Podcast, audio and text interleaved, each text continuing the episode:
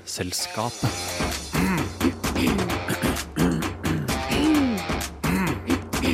Vitenselskapet.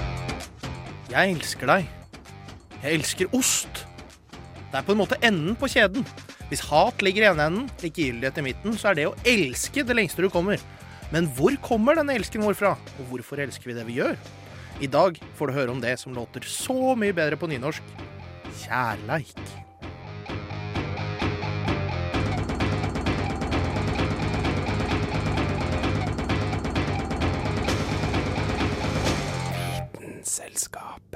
For meg som kjenner våre reportere i Vitenselskapet, så kommer ikke dette som noen overraskelse. Men for deg som ikke er kjent med dem fra før, så gir dagens sending deg et lite innblikk i våre journalisters syke. For med temaet kjærlighet bestemt, så er det interessant at de uten unntak har lagd saker om ulykkelig kjærlighet.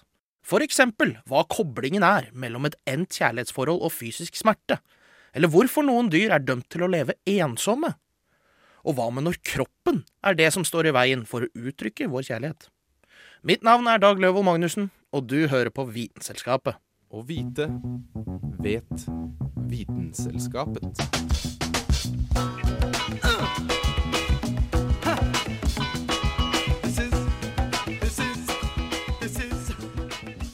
De fleste av oss har opplevd å bli dumpa, og da veit man hvor kjipt det kan være. Men hvorfor er det sånn at noen blir helt besatt av veksten sin, mens andre rett og slett får fysisk vondt av kjærlighetssorg?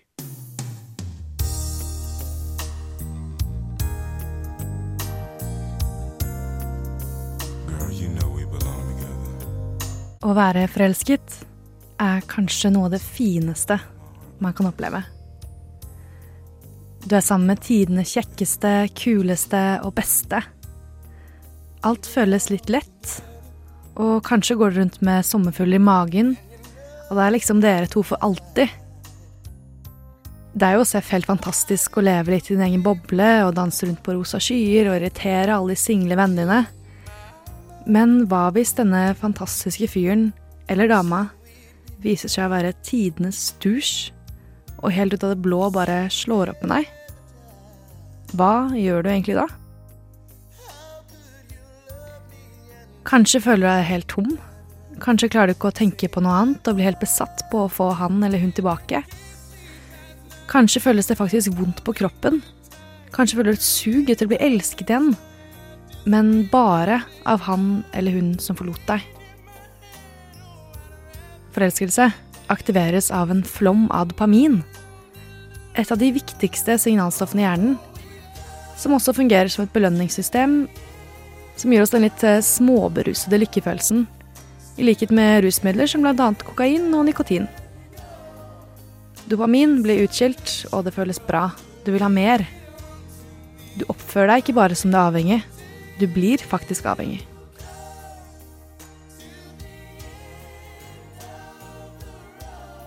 Et forskerteam, ledet av bl.a. den kjente antropologen Helen Fisher, ville se litt mer på dette. Og i 2010 gikk det inn et forskningsprosjekt for å se hvordan belønnings-, avhengighets- og følelsesreguleringssystemer var assosiert med det å bli dumpa eller forlatt av en du elsker. Deltakerne i studien var ti kvinner og fem menn, som alle hadde nylig blitt slått opp med av en partner som de selv mente de fremdeles var svært forelsket i. Og da mener jeg svært, svært forelsket. Alle i gruppa hevdet å tenke på deres eks omtrent 85% av deres våkne tid, og ville ingenting annet enn å bli sammen med personen igjen. De ga alle tegn til å ha mistet mye av kontrollen på følelsene sine generelt, og besøkte, ringte, tekstet og mailet eksene jevnlig tryglende om å bli tatt tilbake. Flere gråt i timevis, eller drakk for mye. Og deres ulykkelighet hadde begynt å gå utover jobben og deres generelle sosiale liv. Med andre ord så gikk det ikke så veldig bra. Deltakerne ble plassert i FMRI-maskiner, som er maskiner som kan vise endringer i aktivitet i områder i hjernen. Så ble de vekselsvis vist bilder av den som hadde forlatt dem, og bilder av en annen person som de var glad i.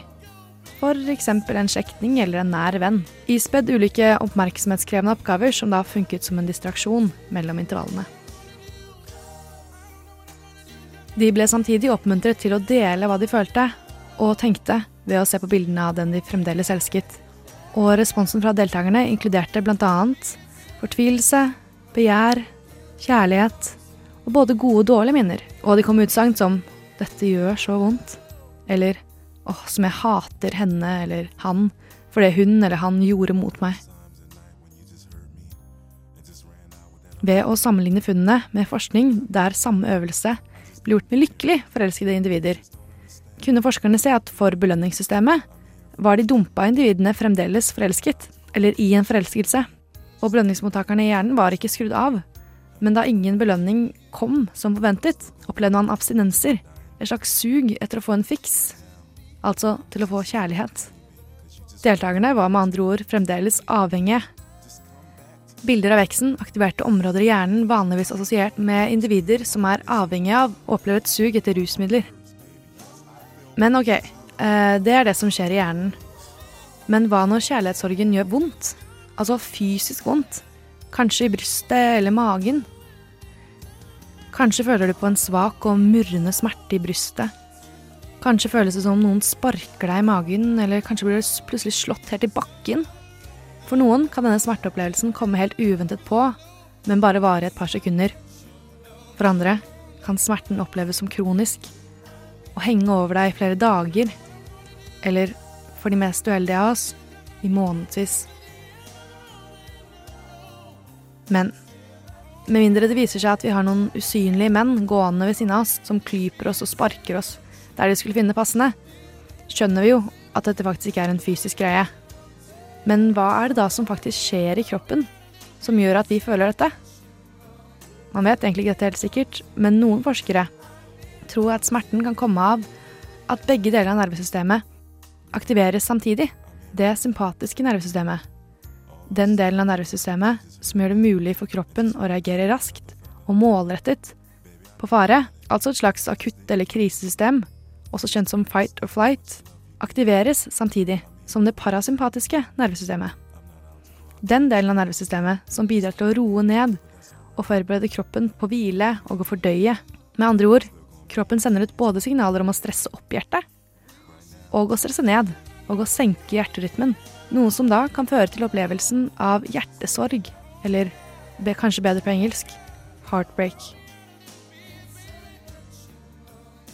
Studien, der de avviste sørgende individene ble vist bilder og diskuterte eksene sine, og da gråt, ble sinte eller nedstemte, trigget aktivitet i de samme områdene i hjernen som assosiert med fysisk smerte. Så, med andre ord, når venninna di eller kompisen din sier at det å ha blitt avvist og forlatt gjør vondt, fysisk vondt, kødder han eller hun ikke. For det er nemlig sånn at for hjernen er den smerten han eller hun føler som følge av kjærlighetssorg, ikke noe annerledes enn den smerten du føler fra et stikksår. Don't tell my heart, my aching, breaking heart. I just don't think you'd understand. And if you tell my heart, my aching, breaking heart, he might blow up and kill this man. Denne saken ble laget av den fremtidige peppermøen Sunniva Sol Blix. Oslo 2 igjen, Oslo 2. Dette er Vitenselskapet. Radio November, Oskar, Viktor, Alfa. Trodde du sandwichen var den eneste kjente oppfinnelsen fra sandwich i England?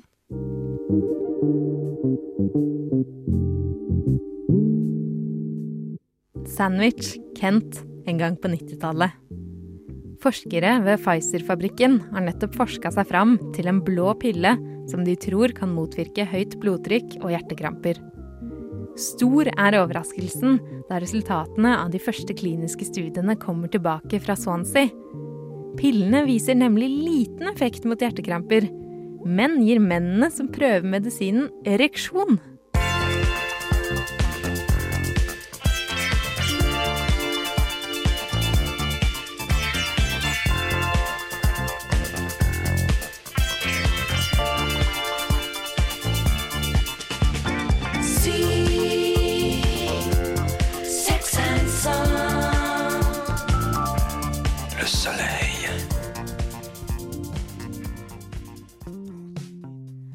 Herfra handler Pfizer raskt. De patenterer medisinen i 1996, og i 1998 slipper de den på markedet under navnet Viagra. Etter dette så kjenner vi historien. Viagra blir verdens mest kjente potensmedisin og en milliardindustri.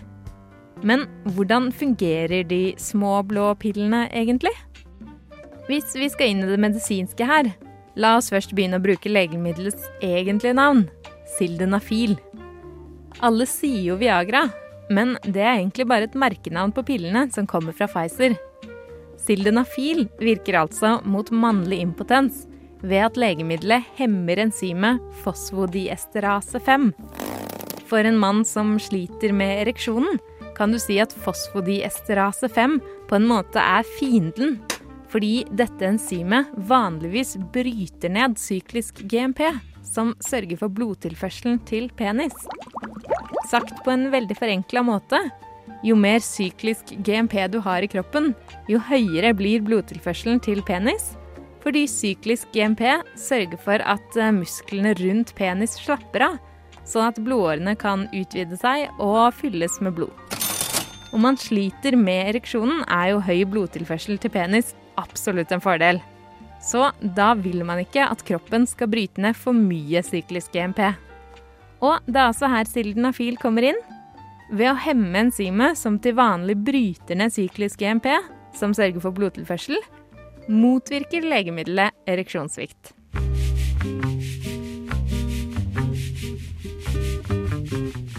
I motsetning til hvordan Viagra blir framstilt i populærkulturen, er det ikke sånn at man automatisk får ereksjon etter å ha tatt en pille. Man må også være opphissa for at stoffet skal ha en effekt. De som imidlertid ikke opplever noen effekt av Viagra, er dem som i utgangspunktet ikke sliter med impotens. I hvert fall har ikke forskerne klart å påvise noen effekt for denne gruppa, annet enn en klar placeboeffekt.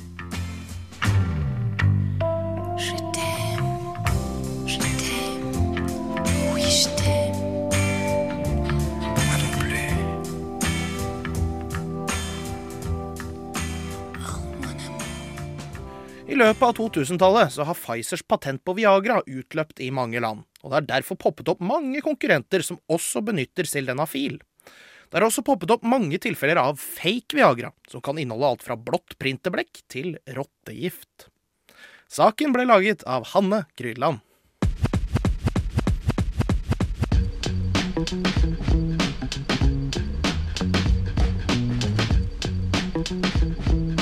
Hvite nytt. Det du trenger å vite. Da er det min store glede å ønske velkommen til min kjære kollega Carl Adams Kvam. Og du, Carl, du skal fortelle oss litt om hva som rører seg i den vitenskapelige nyhetsverden. Ja, skal se på hva som rører seg i vitenskapens verden. Um, først så en ting som du kanskje ikke tenker på så ofte, men du bruker hele tida. Ledninger. Ledninger er jo eh, fine ting. De, altså, de knøvles og sånn, det er irriterende. Men uh, ny type ledning som Jeg veit ikke om den blir lettere å knøvle eller ikke, for så vidt, men den er endimensjonal, som de kaller det. Skjønner du hva det betyr?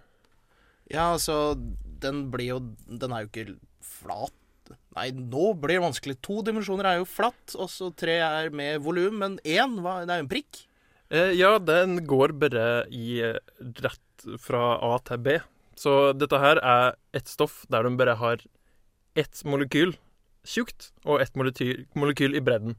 Så den er så tynn. Den er 10 000 ganger tynnere enn et menneskehår. Det kommer garantert til å gjøre ganske mye med hvordan dataer blir bygd.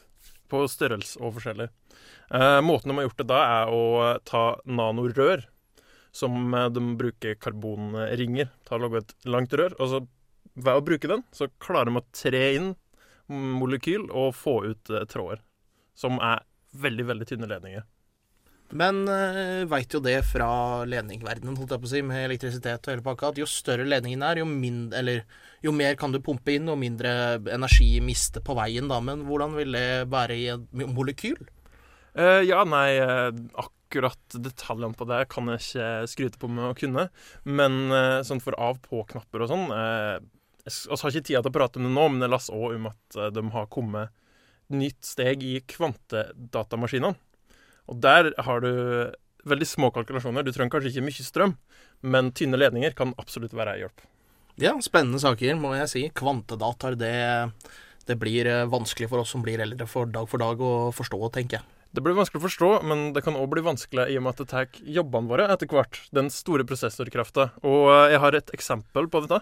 Eh, fordi eh, politi er jo en sånn klassisk Du har en mann med bart som går rundt og tenker 'Hvem er det som gjorde det?' Hm. Nei, men nå er det datamaskiner som kan ta ganske mye av den jobben. Fordi i England så har de en maskin som Eller en robot som de kaller for Valkyrie. Som går gjennom enorme mengder med data som politiet har skrevet ned fra åstedet, og ser etter koblinger. For det er jo det som er detektivarbeid. Du eh, kobler sammen ledetråder. Men det kan ta veldig mye tid hvis du har enorme mengder med data å gå gjennom.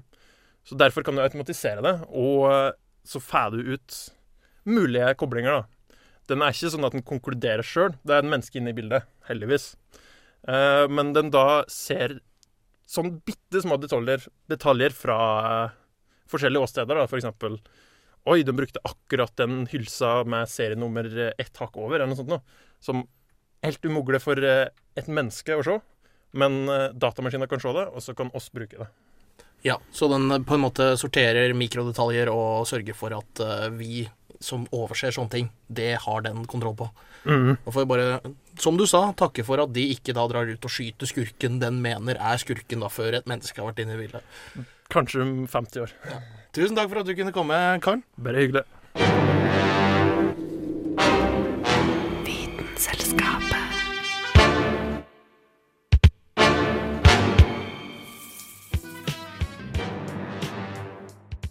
Det kan være vanskelig nok for helt normale mennesker å finne kjærligheten. Men for litt unormale dyr kan det være helt umulig. Dette er en historie om George, om 52 Blue, om lille Tuffy, om et tre i ørkenen. Dette er en historie om ensomhet. Lonely,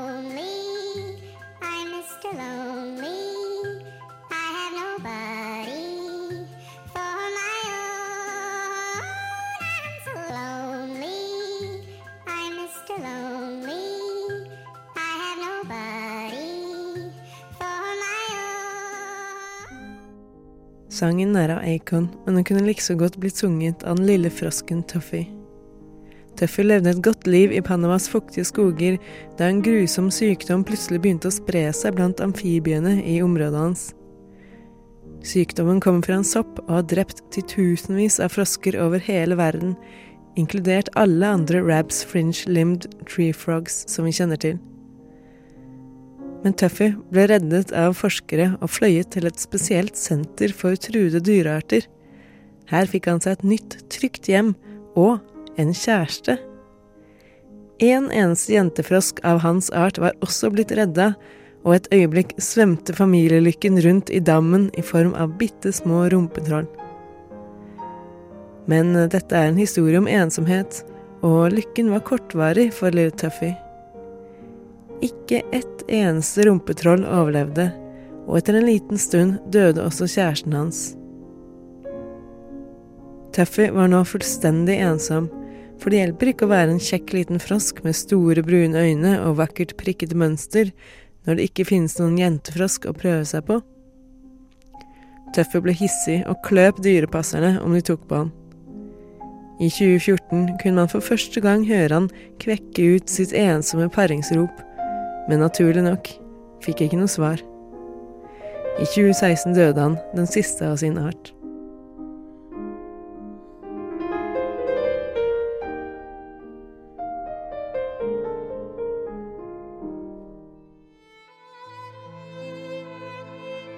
Global oppvarming, menneskelig innblanding og sykdommer er noen av tingene som gjør at dyr og planter ender opp ensomme. FNs miljøprogram har estimert at det hver dag forsvinner mellom 150 og 200 arter på verdensbasis. Ensomme George er blitt et av de mest kjente eksemplene på hvor trist det kan bli. Han ble funnet på øya Pinta i Galapagos og var den eneste skilpadden av sitt slag.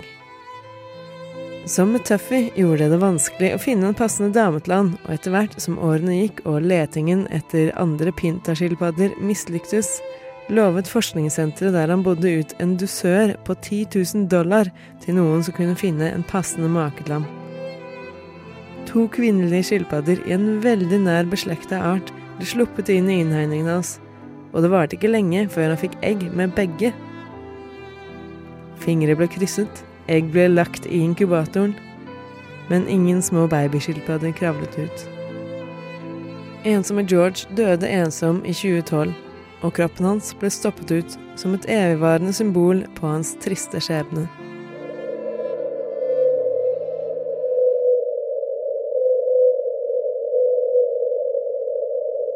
Dette er sangen til 52 Blue, også kjent som Den ensomme hval. Er det en gutt? Er det en jente? Ingen vet, for ingen har noen gang sett denne skapningen, man har bare hørt den. Grunnen til at man har hørt den, er at den synger på en helt annen frekvens enn vanlige hvaler, noe som har gjort at mange mener at den er dømt til et liv i ensomhet. Fordi de andre hvalene kanskje ikke forstår den, og om de forstår den, er det noen som vil pare seg med denne raringen? Den kalles 52 Blue fordi da den ble oppdaga, sang den på 52 hertz, mens vanlige hvaler ligger mellom 10 og 40 hertz. Teorien er at den ensomme hvalen er en hybrid av to arter som kan ha gjort at den har en annerledes kropp og dermed høres annerledes ut. Nå er det noen år siden man sist fanget opp lyden fra den rare hvalen, men havet er tross alt stort. Og hvis den faktisk er en hybrid, kan det jo også hende at det finnes andre hybrider der ute som også snakker sitt eget merkelige språk.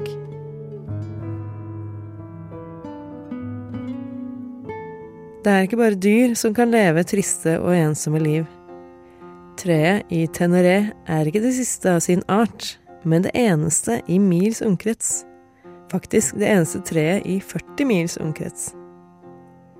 Treet vokste ved siden av en liten brønn i Sahara, og ikke så overraskende var det et kjennemerke for karavaneruter i 300 år. Men det var ikke alltid ensomt. Antagelig vokste det opp i en liten klynge med trær i en tid da ørkenen var fuktigere. De andre trærne døde ett etter det andre, men teneré-treets røtter nådde helt ned til vannet 35 meter under bakken. Og slik levde det alene i mange, mange år, til menneskelig innblanding avslutta det hele. En skjebnesvanger dag i 1973 var det slutt på å være det ensomste treet i verden. Da ble treet nemlig påkjørt og drept av en fyllekjører som tydeligvis må ha vært veldig, veldig full og veldig, veldig dårlig til å kjøre.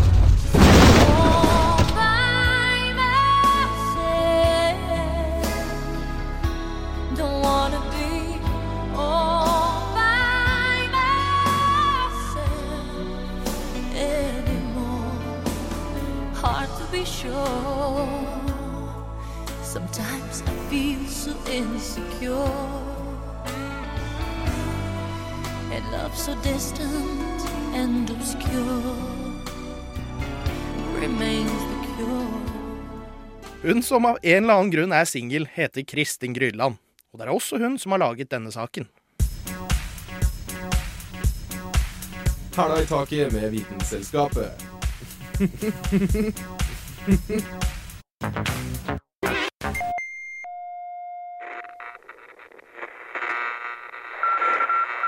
Vi avbryter den ordinære sendingen for å bringe deg verdens romsnytt.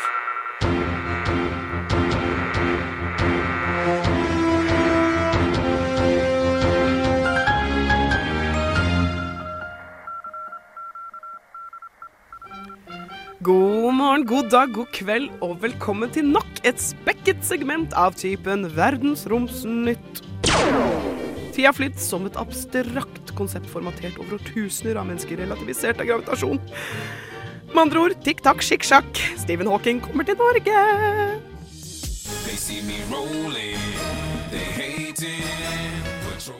I Trondheim fra den 18. juni til den 22. finner nemlig Starmus-festivalen sted. Det er den fjerde i sitt slag, og den har som hensikt å formidle vitenskap to the masses.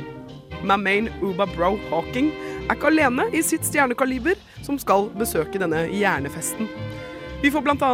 se astrofysiker og Queen-gitarist Brian May. Astronaut Buzz Aldrin og Pop Science Prince eh, samt Pluto-demotør Neil Tyson DeGrassi kommer. Og ikke minst Nobels fysikkprisvinner George Smoot.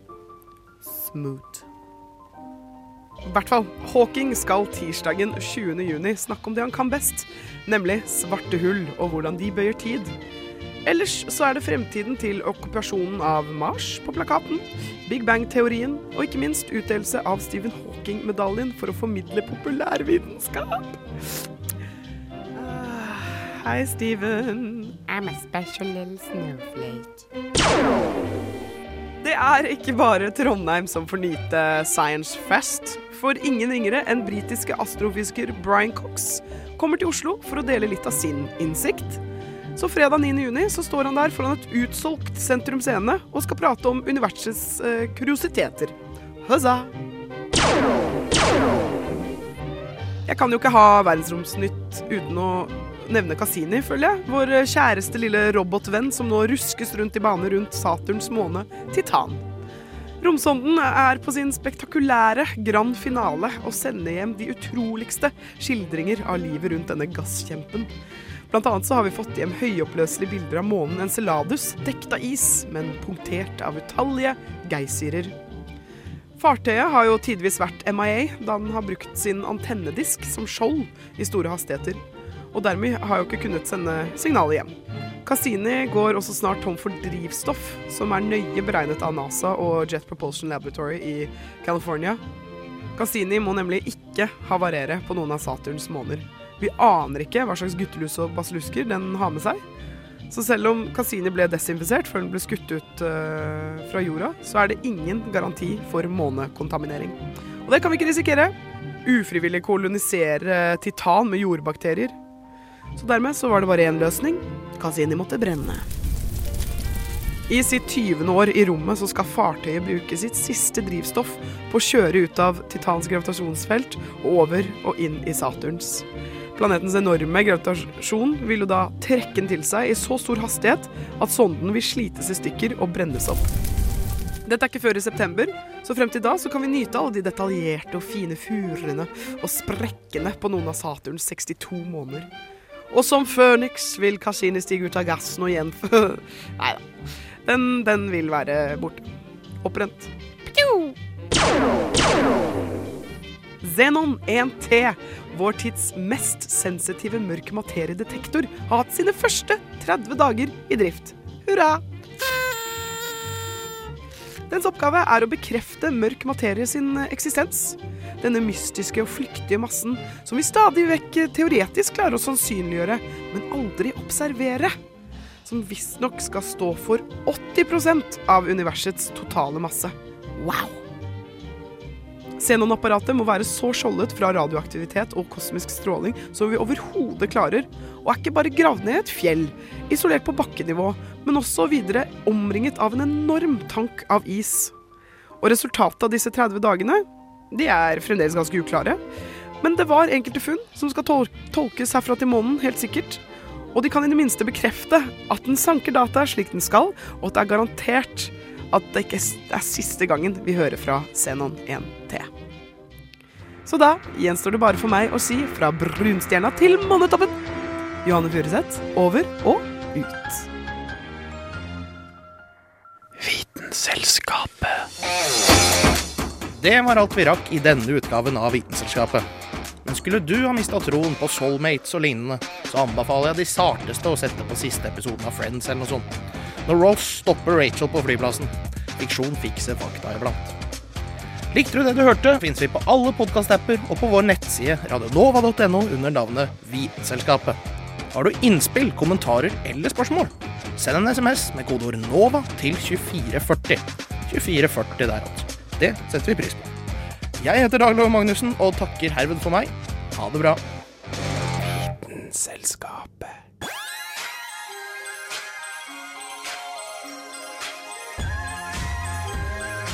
Radio Nova FM 99,3 og radionova.no.